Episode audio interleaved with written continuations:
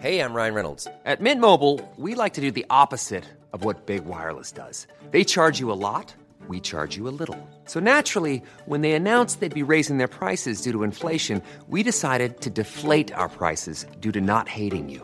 That's right. We're cutting the price of Mint Unlimited from $30 a month to just $15 a month. Give it a try at mintmobile.com slash switch. $45 upfront for three months plus taxes and fees. Promo rate for new customers for limited time. Unlimited more than 40 gigabytes per month. Slows. Full terms at mintmobile.com.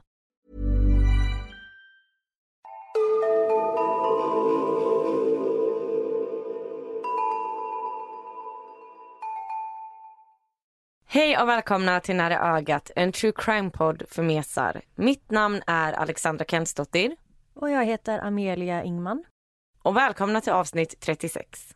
Ja, och nu börjar vi ju närma oss en av våra favorithögtider, nämligen Halloween. Ska du klä ut dig till något i år? Jag tror inte det. Jag är inte bjuden på någon fest så jag har ingen anledning att klä ut mig. Nej, jag har inte heller planerat för någon halloweenfest. Vilket är ganska sjukt för att ni som lyssnar, både jag och Assa älskar ju halloweenfester. Framförallt Assa, hon är, hon är kung på utklädnader. Ja, alltså jag lyckas ju alltid gå in lite för mycket för att klä ut mig. Jag lägger ner alldeles för mycket tid och energi på det. Nej men alltså jag tycker det är så kul. Typ förra gången vi var på någon halloweenfest, vad var du utklädd till? Typ Queen of Love. Och så var det täckt i höstlöv och bara strösslade skit på hela festen. Ja, jag hade gjort någon krona av höstlöv och grejer. Jag hade någon gren som stack ut i kinden. Jag bara... Det var inte en av mina bästa utklädnader. Alltså den var så bra. Jag tror Ice Queen var min bästa. Just det, den var riktigt bra. Vilken är din bästa utklädnad? Ja, jag vet inte. Jag är inte lika kreativ som du när det kommer till att hitta en unik look. Jo, jag vet. Men, ja. Det, när du var, alltså nu säger jag fel, panda. Det var exakt det jag tänkte.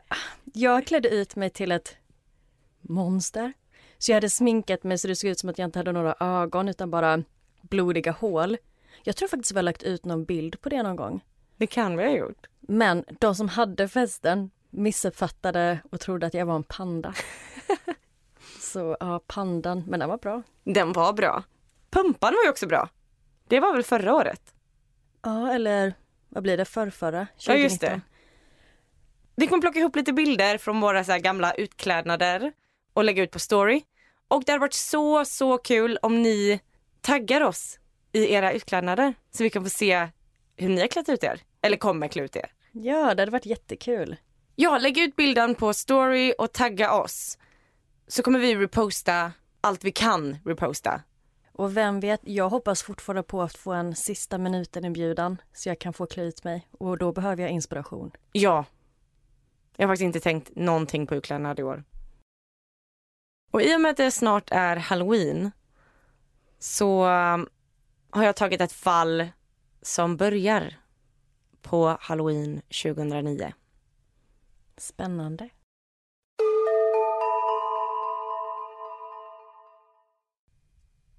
Ja, jag kommer göra ett litet annorlunda fall den här gången. För jag hade snöat in mig på att jag vill ha en koppling till halloween. Så det här är en liten annan take på det än vad jag brukar göra.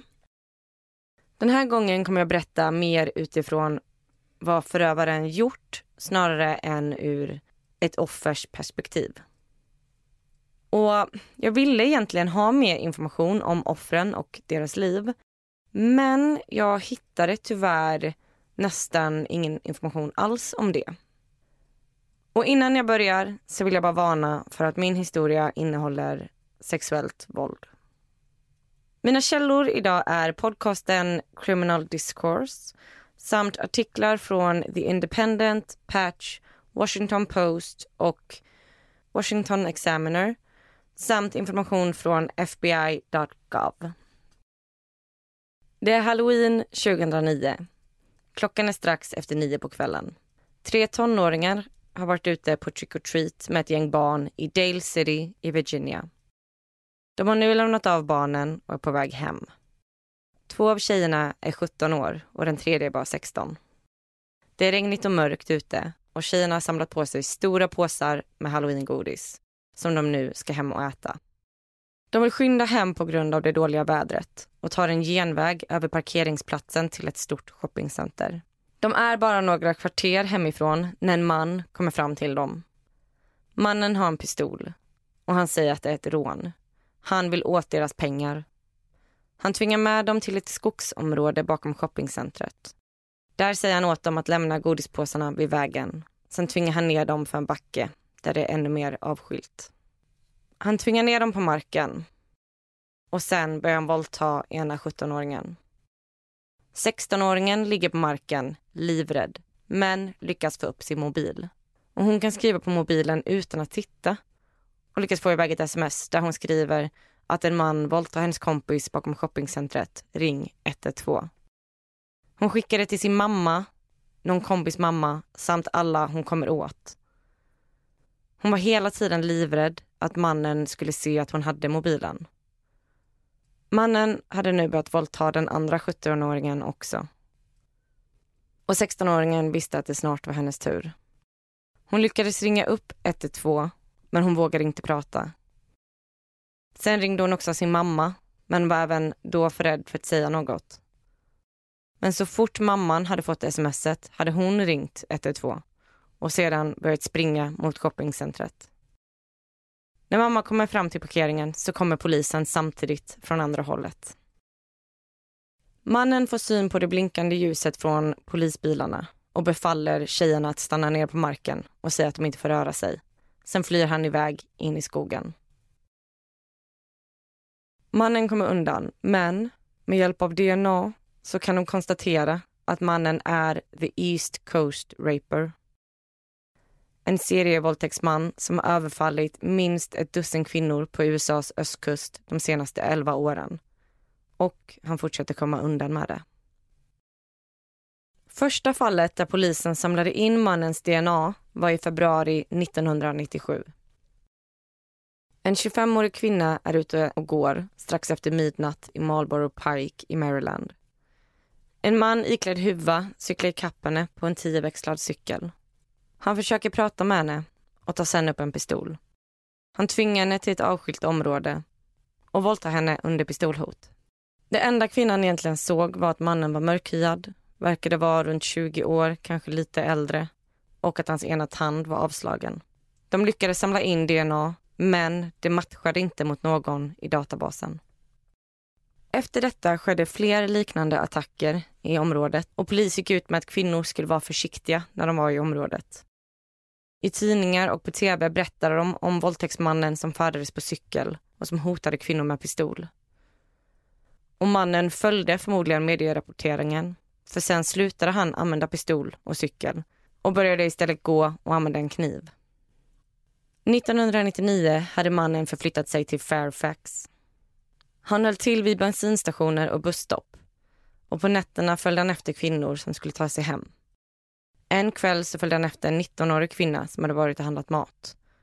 Han attackerade henne, tvingade med henne till en övergiven byggnad, tog av hennes ena sko och drog sedan av hennes ena byxben innan han våldtog henne. Och detta blev sen en strategi från hans sida som han fortsatte med för att det skulle vara svårare för offret att fly. I november år 2000 var det dags för nästa överfall. En kväll så attackerade han en 35-årig kvinna som precis hoppat av bussen. Han gick fram till henne och låtsades undra om vägen. Sen attackerade han henne och hotade henne med kniv. Det han inte visste var att kvinnan var militär och lyckades brotta ner honom och ta kniven. Och när hon hotade med att knivhugga honom så säger mannen att allt bara var ett skämt och lyckas sen fly från platsen. Men mannens DNA fanns på kniven. I maj 2001 attackerar mannen en 41-årig kvinna i Leesburg, Virginia. Hon hade precis lämnat av sitt barn på träning. Kvinnan var mitt i en flytt och gick fram och tillbaka med lådor till sin bil när mannen attackerade henne. Han hotade att döda henne och han hade en kniv. Han drog in henne i den tomma lägenheten. Och här inspirerades han av The Golden State Killer och använde skosnören för att knyta ihop kvinnans händer.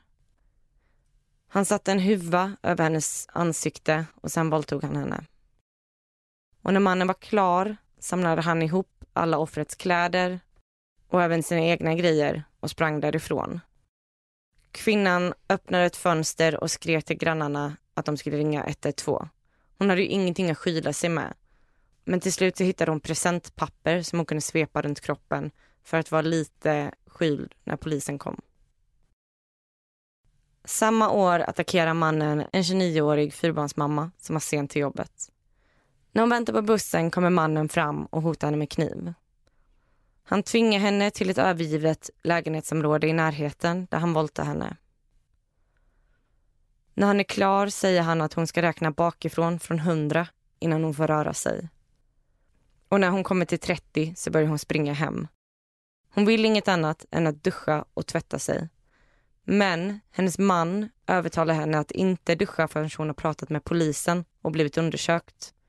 Och på så sätt lyckas polisen samla in DNA från det här fallet också. Nu börjar mannen bli slarvigare och ta större risker.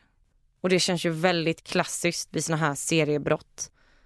Att de får en övertro på sin egen förmåga. På grund av att de inte har blivit tagna tidigare så tror de att de kan komma undan med allt. Så nästa attack är i augusti 2001 och den är mot två kvinnor. En 18-åring och en 19-åring som är på väg hem efter en shoppingtur. Och tvingar iväg dem till ett avskilt område och våldtar dem. Och bara någon månad senare gör han ytterligare en liknande attack. Men efter det här så försvinner The East Coast Rapist fram till 2006. Det vill säga, han försvinner i typ fem år.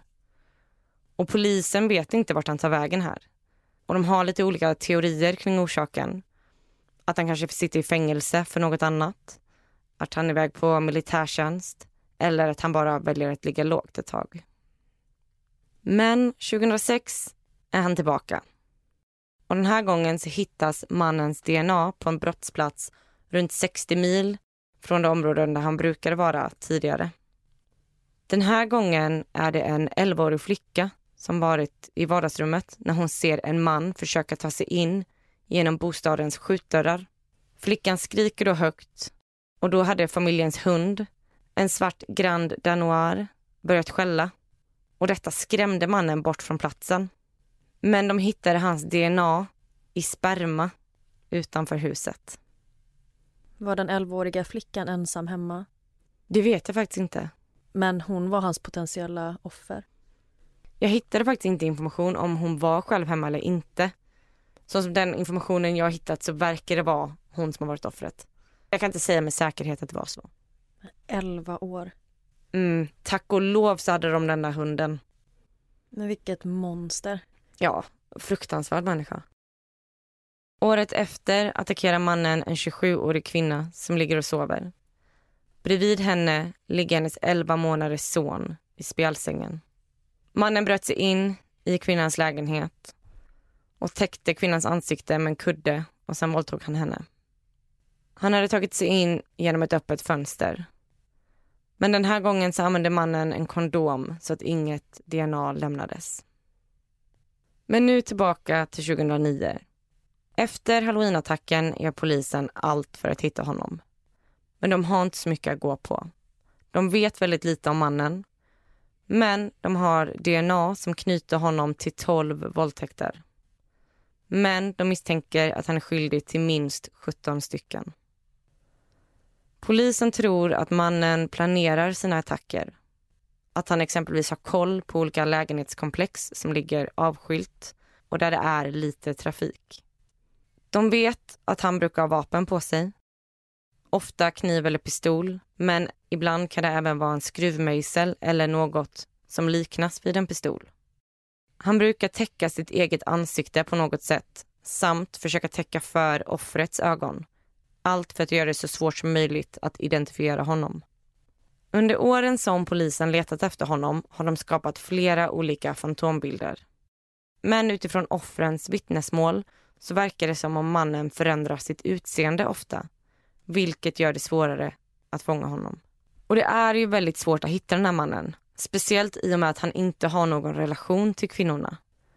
Men polisen skapar en gärningsmannaprofil och de tror att han kan vara en lastbilschaufför, militär eller ha något annat resande yrke som gör att han kan vara borta i långa perioder utan att det verkar misstänksamt för folk i hans närhet. Och trots polisens alla försök så lyckas de inte fånga honom. Så 2011 så testar de en ny metod. De skapar en hemsida som heter eastcoastrapist.com där de samlar in tips från allmänheten. De annonserar den här hemsidan på stora digitala billboards längs med hela östkusten i USA och där de vädjar om att få in tips från medborgare. Och nu börjar saker äntligen hända. De får in mängder av tips och många leder ingenstans. Men den 28 februari så får de in ett tips från en anonym källa som berättar detaljer kring den första överfallsvåldtäkten 1997 som endast gärningsmannen eller polisen kan veta. Personen berättar att en 39-årig man som heter Aaron Thomas har berättat detta för henne. Polisen sätter span på Aaron Thomas och de får då reda på att han är en arbetslös lastbilschaufför som bor i New Haven. Polisen följer efter honom i flera dagar. Och en dag var han tvungen att infinna sig i domstol på grund av en cykelstöld. Och innan han går in så tar han en cigg utanför domstolen. Poliserna väntar tills Aaron går in innan de går ut och plockar upp Fimpen som bevismaterial. De skickar den på DNA-testning och kort därefter kan de konstatera att Aaron Thomas är the East Coast Rapist. 4 mars 2011 arresteras Aaron. Han bor då med sin flickvän och deras femåriga son. Och när han arresteras erkänner han direkt. Han säger att polisen har tagit rätt man. Och sen frågar han dem varför han inte tagit mig tidigare. Första natten i häktet försöker Aaron ta sitt liv, men lyckas inte. Så vem är Aaron Thomas? Aaron Hai Malik Thomas föddes i augusti 1971. Hans pappa Donald B. Thomas arbetade som polis i Washington DC och kallades för Big Don. Hans mamma Shirley Thomas arbetade på ett försäkringsbolag och han växte upp med två halvsyskon. Aaron hade en problematisk relation med sin pappa Don. Han fick ofta stryk. Ibland använde pappan sitt polisbälte för att slå honom. Aaron var ett glatt och roligt barn som alltid fick folk att skratta, enligt mamman. Men när han började i skolan så förändrades något och han började bli bråkigare och hamna i trubbel allt oftare. Han kunde göra olika slags prank, som att limma fast sin brors hand i sängen eller att ge honom sömntabletter bara för att se vad som skulle hända.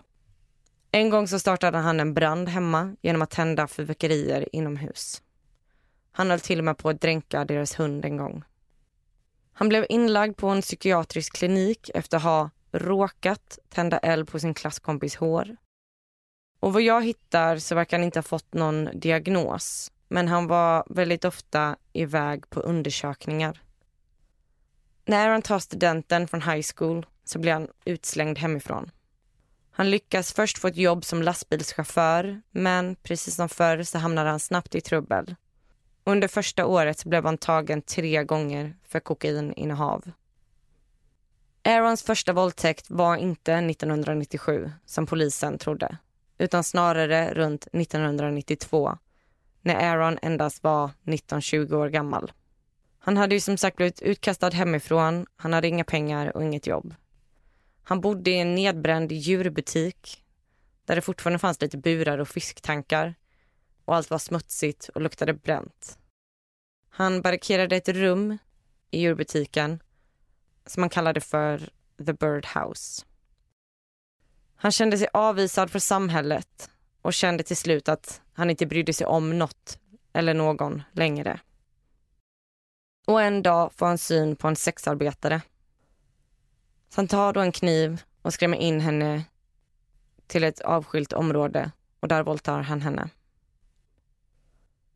Och han berättar i efterhand att han kände sig som ett djur direkt efteråt. Att han stillade sina djuriska instinkter. Men att när han vaknade dagen efter så kände han extrem ångest, rädsla och skam.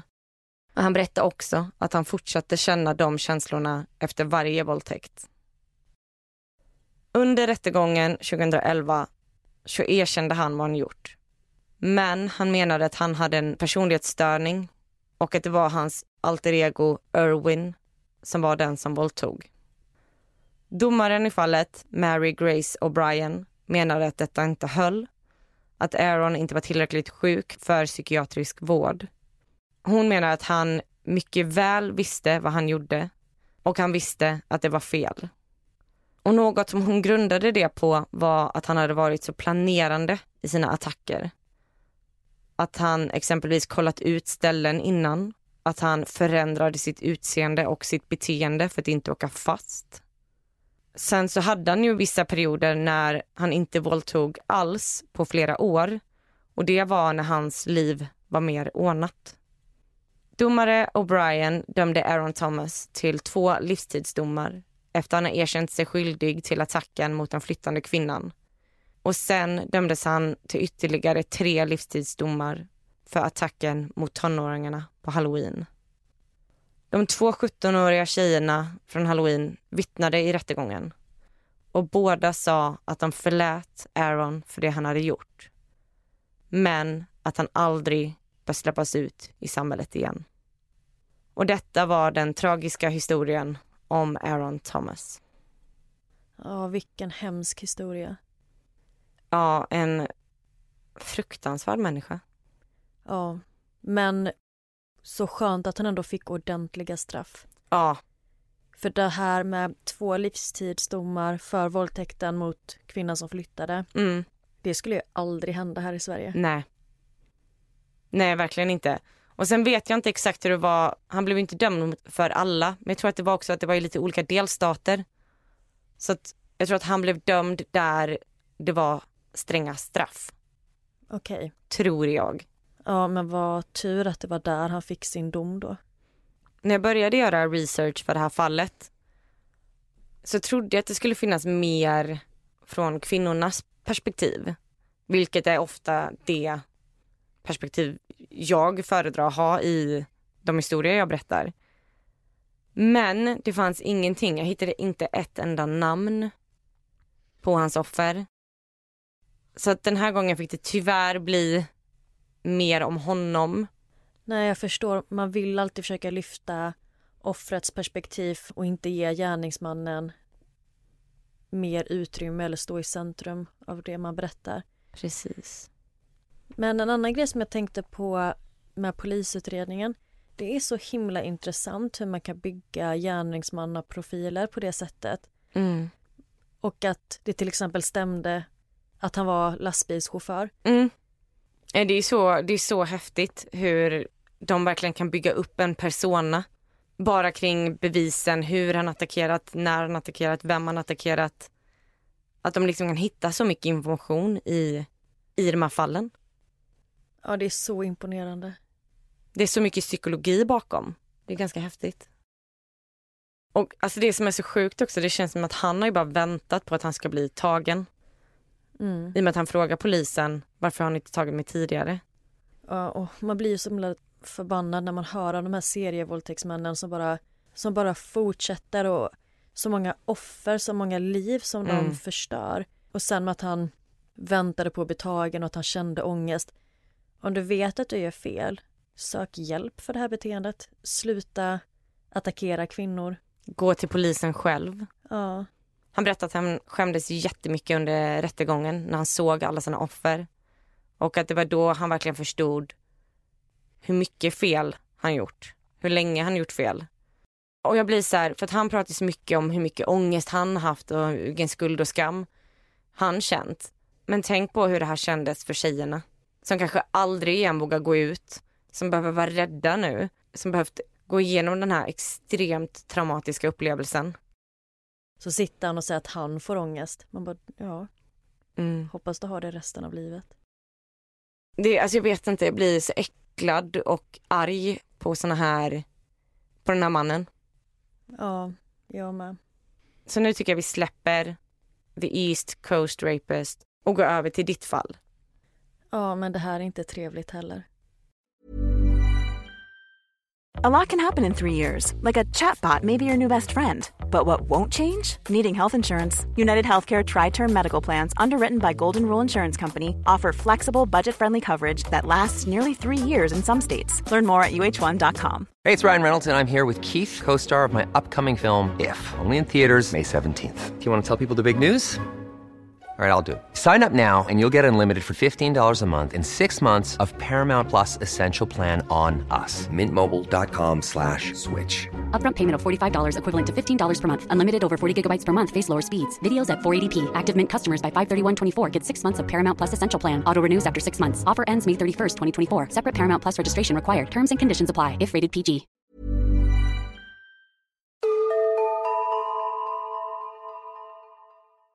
Idag ska jag berätta om backpackern Davin Arkens. Mina källor är ett avsnitt av 60 Minutes Australia, en artikel av Daily Mail och en artikel av The Sun. Davin Arkens kommer från en småstad i Belgien. Men hon tyckte att hemstaden var alldeles för liten och hon ville ge sig ut och upptäcka världen.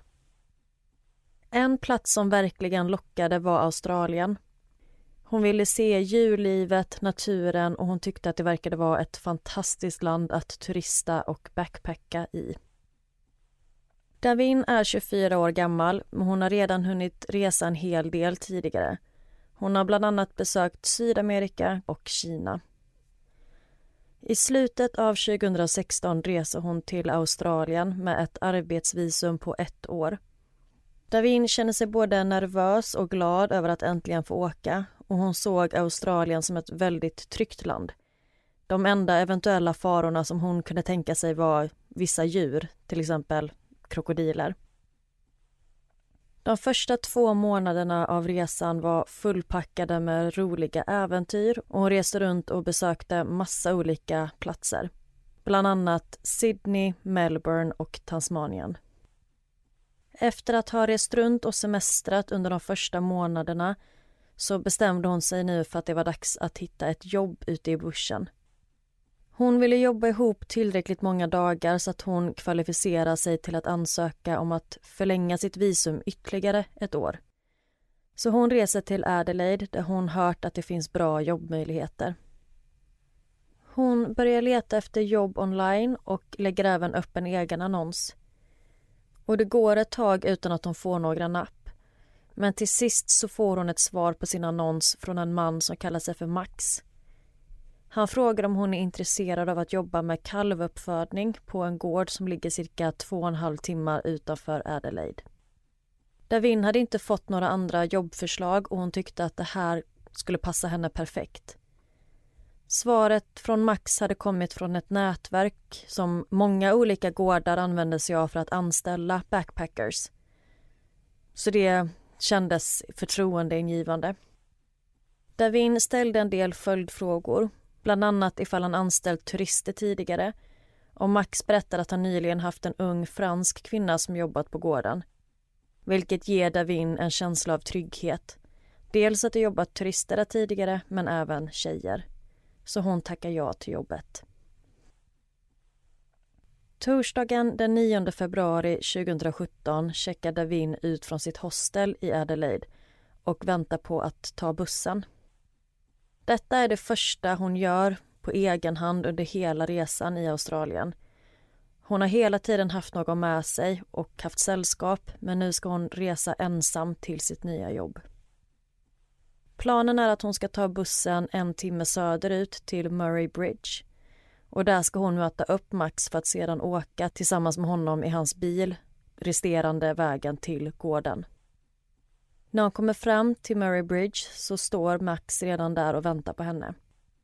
Han ser ut som en helt vanlig man, som att han precis kommit från en jobbdag på bondgården. Davin hoppar in i hans bil och de börjar köra den långa vägen till gården. Max är trevlig och pratar hela vägen och de kör längre och längre ut på landsbygden. Och efter ett par timmar så kommer de fram till en färja och de behöver ta två båtar för att sedan fortsätta köra den sista biten innan de kommer fram. Och de är mitt ute i ingenstans. Gården är stor och de får öppna och köra igenom två stora grindar innan de kommer fram till ett stort skjul Och Max berättar att det är här hon kommer ta hand om kalvarna. Skjulet är egentligen en svinstia och där inne så är det fullt med bås. Han visar Devin runt och de går igenom hennes arbetssysslor. Och Max säger att han vill kontrollera så att Davin inte är en missbrukare eller att hon tar droger. Så han ber om att få kolla på hennes armveck. Han ber även henne att ta av sig skorna så han kan kolla fötterna efter nålstick. Och detta var en väldigt konstig förfrågan och trots att Davin blev väldigt ställd så gick hon med på det. Hon tänkte att det var lika bra att göra som hon blev tillsagd för hon behövde verkligen det här jobbet. Max ber henne lägga sig på mage på en soffa som står inne i det ena båset så att han kan komma åt och kolla baksidan av benen och under fötterna. Även om det här var väldigt bisarrt så kändes inte Davin hotad. Max var fortfarande väldigt snäll, trevlig och lugn. Men helt plötsligt så förändras allt. Max sätter sig på Davins rygg och hon försöker slita sig loss. Men han greppar tag i hennes armar och försöker hålla fast dem bakom ryggen på henne och skriker åt Davin att ligga still. Men hon ger sig inte. Davin kämpar allt vad hon kan för att komma loss från hans grepp. Hon förstår inte varför han gör detta och trots att hon blev väldigt överrumplad så känner hon sig väldigt stark och hon vet att hon kan övermanna honom. Men då tar Max fram en pistol som han trycker mot Davins rygg och han säger åt henne att om hon inte lyder så kommer han att använda den. Så Davin ger upp. Och hon är helt övertygad om att om hon fortsätter streta emot så kommer han att döda henne. Max tar fram buntband och binder hennes handleder. Sen tuggar han kedja runt hennes ben. Efter det så tar han av hennes kläder och våldför sig på henne.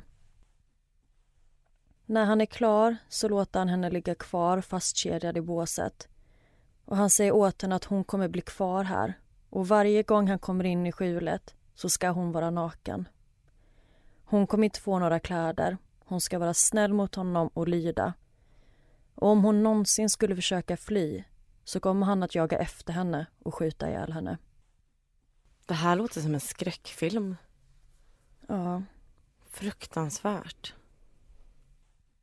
Davin är chockad och livrädd. Och hon förstår att det kommer ta lång tid innan någon märker att hon är borta eller ens kunna hitta henne. Och hon tror nu att hon kommer inte komma levande härifrån. Detta är slutet. Utöver de fysiska hoten så utsätter Max henne även för väldiga psykiska påfrestningar. Han berättar för Davin att hon numera ägs av ett kriminellt gäng som sysslar med trafficking av unga kvinnor. Han säger att han jobbar för en man som godkänner kvinnorna innan de sen fraktas till Sydney eller Melbourne för prostitution. Han säger att Davin inte kan lita på någon och att till och med polisen är inblandad i den här organisationen. Hon känner sig extremt maktlös och liten och hon har förlorat allt. Sin familj, sina vänner och sin frihet. Davin berättar att det kändes som att hon var i en koma. Hon kunde röra sig och känna allt, men hon kunde inte göra något. Mannen håller henne fastkedjad och inlåst i skjulet och ingen har någon som helst aning om att hon har blivit kidnappad. I båset så finns en gammal soffa och i ena hörnet står ett kylskåp. Mannen öppnar kylskåpet och tömmer det på saker som han tror att Davin skulle kunna använda sig av för att försöka fly. Men hon märker något inne i kylen som mannen missar. Det ligger små metallkrokar där inne. Mannen har dragit åt kedjorna runt Davins armar och ben med en tång så de är omöjliga att ta loss för hand. Men hon får en idé. Om hon kan få tag på metallkrokarna inne i kylskåpet så kanske hon kan använda dem som verktyg för att lossa på kedjorna. Och när mörkret faller så lämnar mannen skjulet och Davin ser sin chans. Men hon har ingen aning om när han kommer komma tillbaka och hon var rädd och nervös. Men med ena benet och ena armen fastkedjade så tar hon sig fram till kylskåpet och får tag i en krok. Hon försöker snabba sig så mycket hon bara kan och börjar med kedjan runt armen. Hon sätter i kroken och börjar vrida och fick ganska lätt loss kedjan, vilket var en väldigt stor lättnad. Hon börjar nu med kedja runt benet, men det gick inte alls lika lätt. Hon visste att det inte fanns något annat alternativ så hon försöker om och om igen och ta i allt hårdare och till sist så lyckas hon även få loss kedjan runt benet. Men nu när hon är fri så vet hon inte riktigt vad hon ska göra. Ska hon fly eller gömma sig? Och hon bestämmer sig för att stanna kvar för mannen har gjort ett stort misstag. Han har lämnat Davins väska i skjulet. Och han har gått igenom hennes grejer och tagit hennes mobil. Men han missade att hon har en laptop och en wifi-sticka i sin packning. Hon plockar fram datorn och startar den och koppla upp sig på internet. Och hon kan knappt tro att det är sant, men nätet funkar.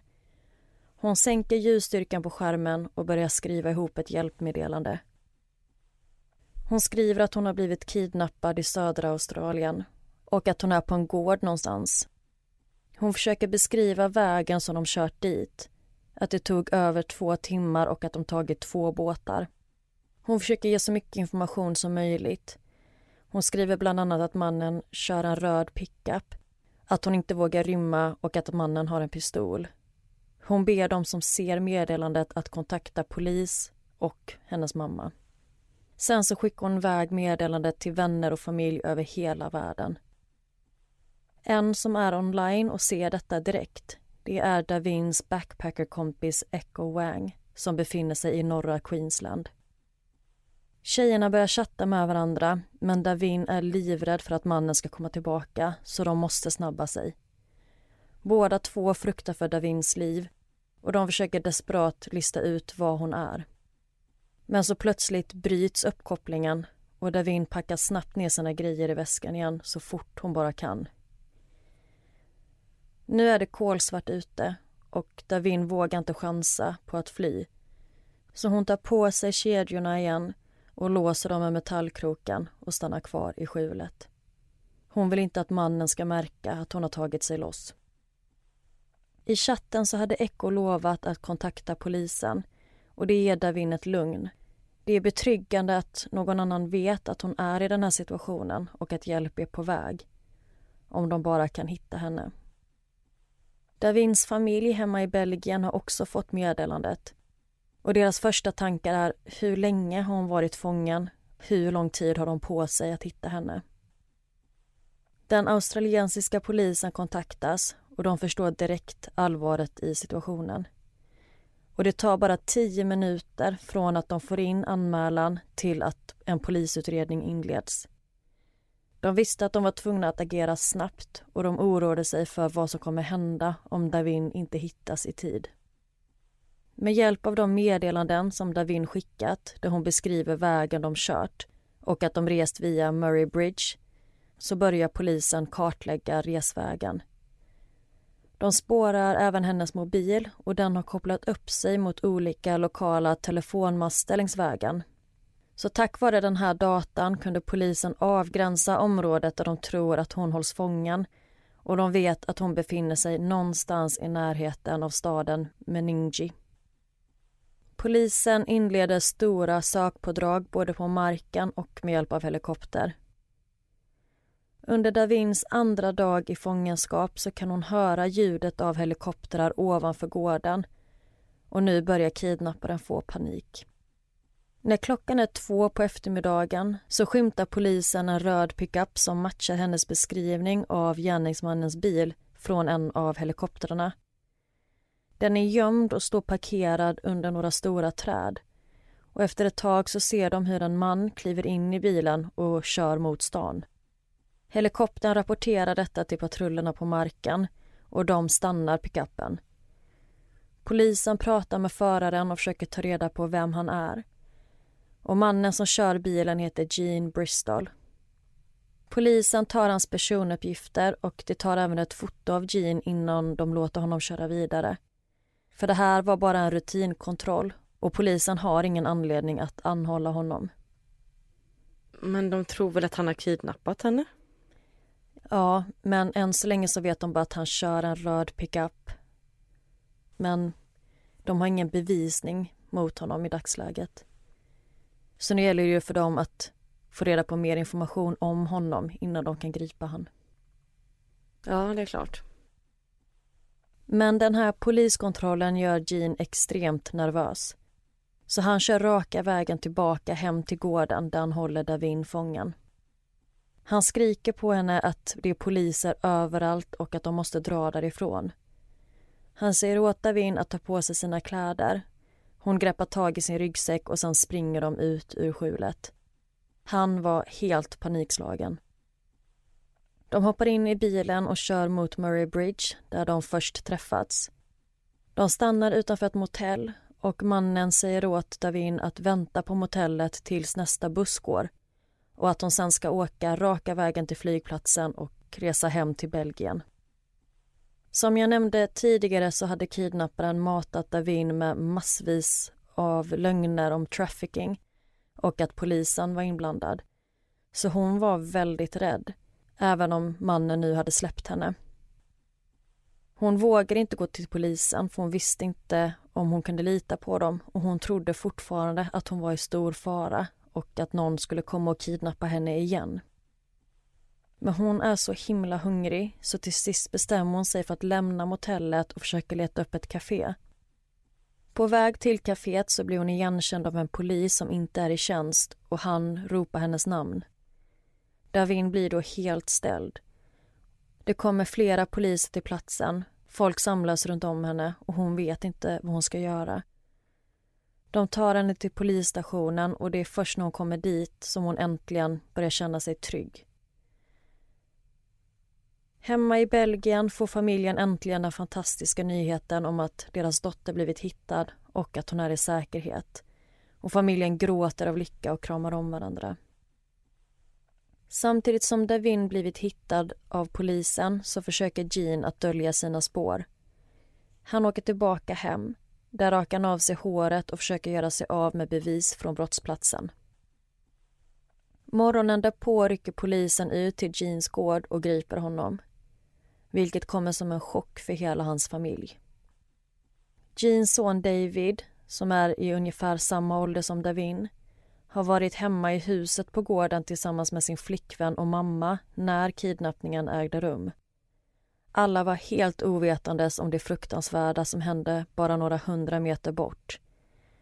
Under tiden som Jean höll Davin fånge så var det ingen i familjen som anade något och det fanns inga tecken alls på vad som försiggick och allt verkade som vanligt.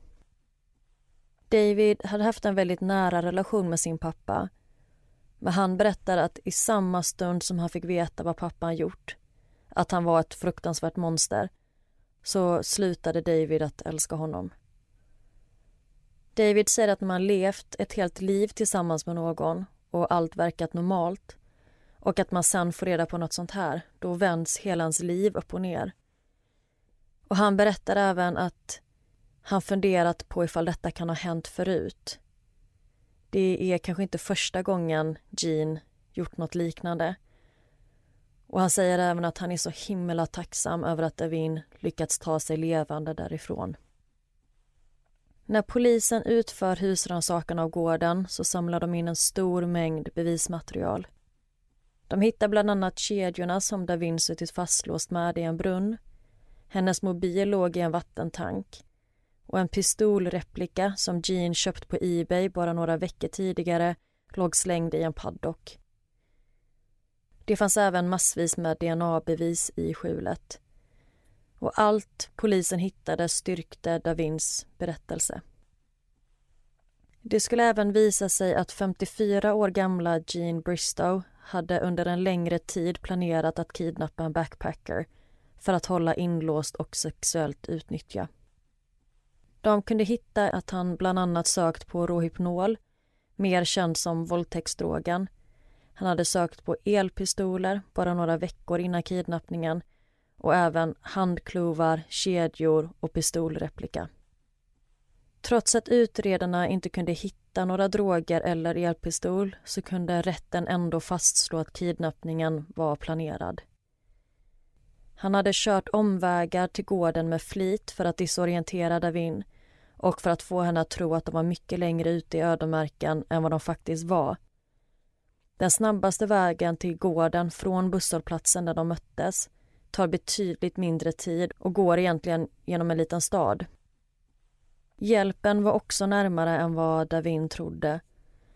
Det låg en polisstation bara en kilometer bort och Jeans hus där hans fru, son och sonens flickvän befann sig låg bara 350 meter från skjulet. Men man kunde inte se huset från skjulet eftersom det låg bakom stora träd och buskar. Och Davin hade ingen aning om att hjälpen fanns så nära. Hon trodde att de var helt öde. Jean har aldrig visat några som helst tecken på ånger sedan kidnappningen. Och han har aldrig heller erkänt något och han menar att han är oskyldig. När hans familj konfronterat honom så har han försökt skylla ifrån sig och kommit med massa olika ursäkter. Han menar till exempel att Davin inte alls är något offer utan att hon har hittat på allt för att tjäna pengar. Jean påstod även att sonen David, som arbetar som bonde, anlitat Davin för att få hjälp på gården. Men under rättegången så vittnar David mot sin pappa och menar att detta är påhittat. Tack vare den starka bevisningen och sonens vittnesmål så kunde Jean dömas till 18 års fängelse.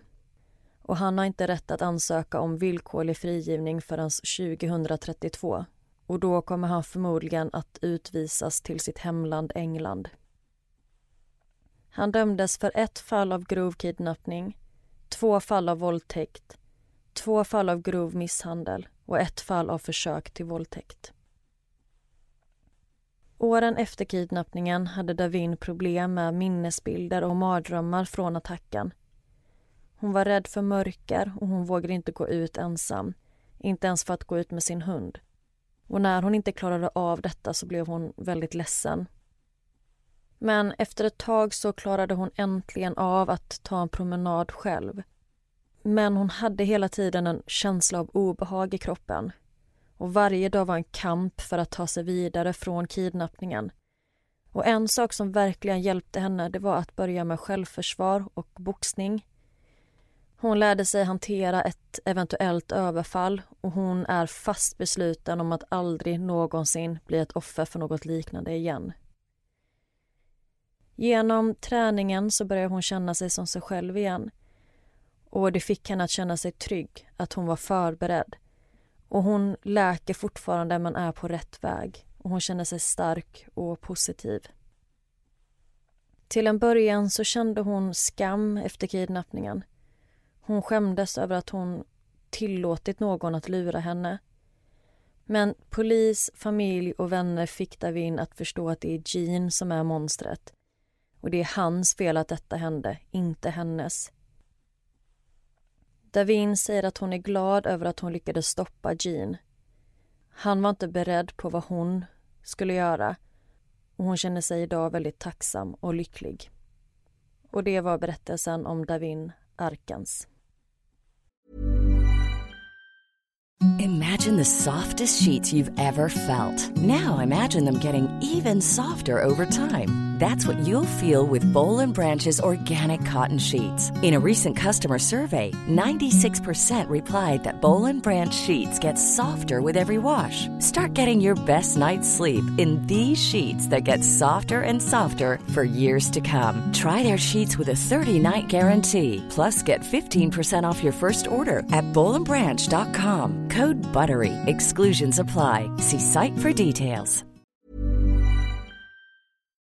Oj, vilken sjuk historia. Jag har inte hört den här tidigare. Inte? Nej. Nej, jag tycker den är helt otrolig.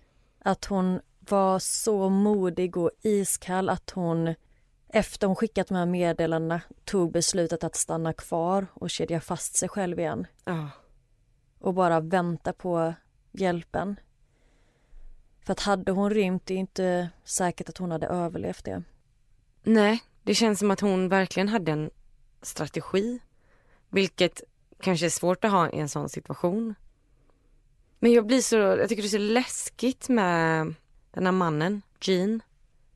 hur han kan verka så normal utåt sett. Att hans son inte hade någon aning, hans fru hade ingen aning.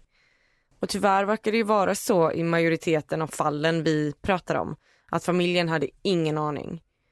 Nej, och det är det sonen menar med är så otroligt obehagligt även för honom.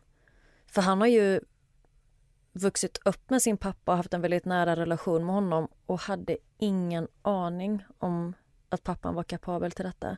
Och att han har så planerat det. Att han vill kidnappa en backpacker. Ja, och han valde fel tjej. Verkligen. Hans son säger även att han är glad att pappan fick så här hårt straff och han säger att han kommer aldrig någonsin mer träffa honom igen. Jag tycker det är väldigt starkt av sonen att ta så bestämt avstånd från sin egen pappa. För att han har ju fortfarande levt hela sitt liv med sin pappa och har en väldigt lång relation till honom. Men att han då vågar ta det här steget och bara nej. Jag slutade älska honom sekunden jag fick höra att han gjort det här. Ja, och i det här avsnittet av 60 minutes Australia så pratar de om den här skräcken som hon måste upplevt i det här skjulet. Dödsångesten och rädslan och att ingen förtjänar det. Och jag håller med, jag tycker också det är starkt att han tar så tydligt avstånd. Jean kanske inte förväntade sig att förlora sin son på grund av detta men han borde ju verkligen förlora allt. Ändå sjukt att den här pappan har uppfostrat en sån vettig son. Ja, eller så har han bara en väldigt bra mamma. Ja, förmodligen. Nej, alltså Davin är så cool. Och man blir så ledsen när man hör att, att hon kände sig skuld och skam efter. För att hon har, hon har räddat sig själv. Ja, hade inte hon haft det här modet och de beskriver henne som väldigt smart och insiktsfull mm. så hade hon förmodligen inte klarat sig. För utan hennes meddelanden så hade hon förmodligen inte hittats. Och ingen visste ju ens att hon var kidnappad. Nej men också så här att hon kunde ta de här krokarna i kylen och liksom få upp bojorna för att sen ta sin ryggsäck. Äh, fantastiskt. Ja. Och i det här avsnittet jag såg så är det så fint för att då får man följa med när Davin och Echo träffas igen för första gången sen den här attacken. Mm. Och när man ser dem återförenas och Davin tackar Echo, det är, ja, det är ett väldigt fint ögonblick. Och Davin beskriver Echo som sin hjälte. Det måste ju varit så sjukt för Echo att få det här meddelandet. Ja, och hon kände sig också väldigt kluven till detta för att hon hade varit en av de som uppmuntrade Davin till att ta det här jobbet. För de hade chattat om detta och Davin hade väl varit lite osäker på vilket typ av jobb hon skulle ta men Echo hade varit jätteglad för Davins skull och gratulerat henne till det här jobbet. Så det ja, var tufft för henne med. Men det kan man ju omöjligt veta. Alltså, Nej, såklart, men, men det blir ändå en väldigt jobbig sits. Mm. Ja, och idag så reser Davin igen och hon, som jag sa, jobbar på att komma tillbaka till sig själv men är på väldigt god väg. Ja, vad fint att höra att hon vågar resa igen. Tusen tack för det här avsnittet Amelia. Det, även om det var jobbigt i början så var det skönt att det var så positivt slut. Speciellt efter mitt fall. Tack.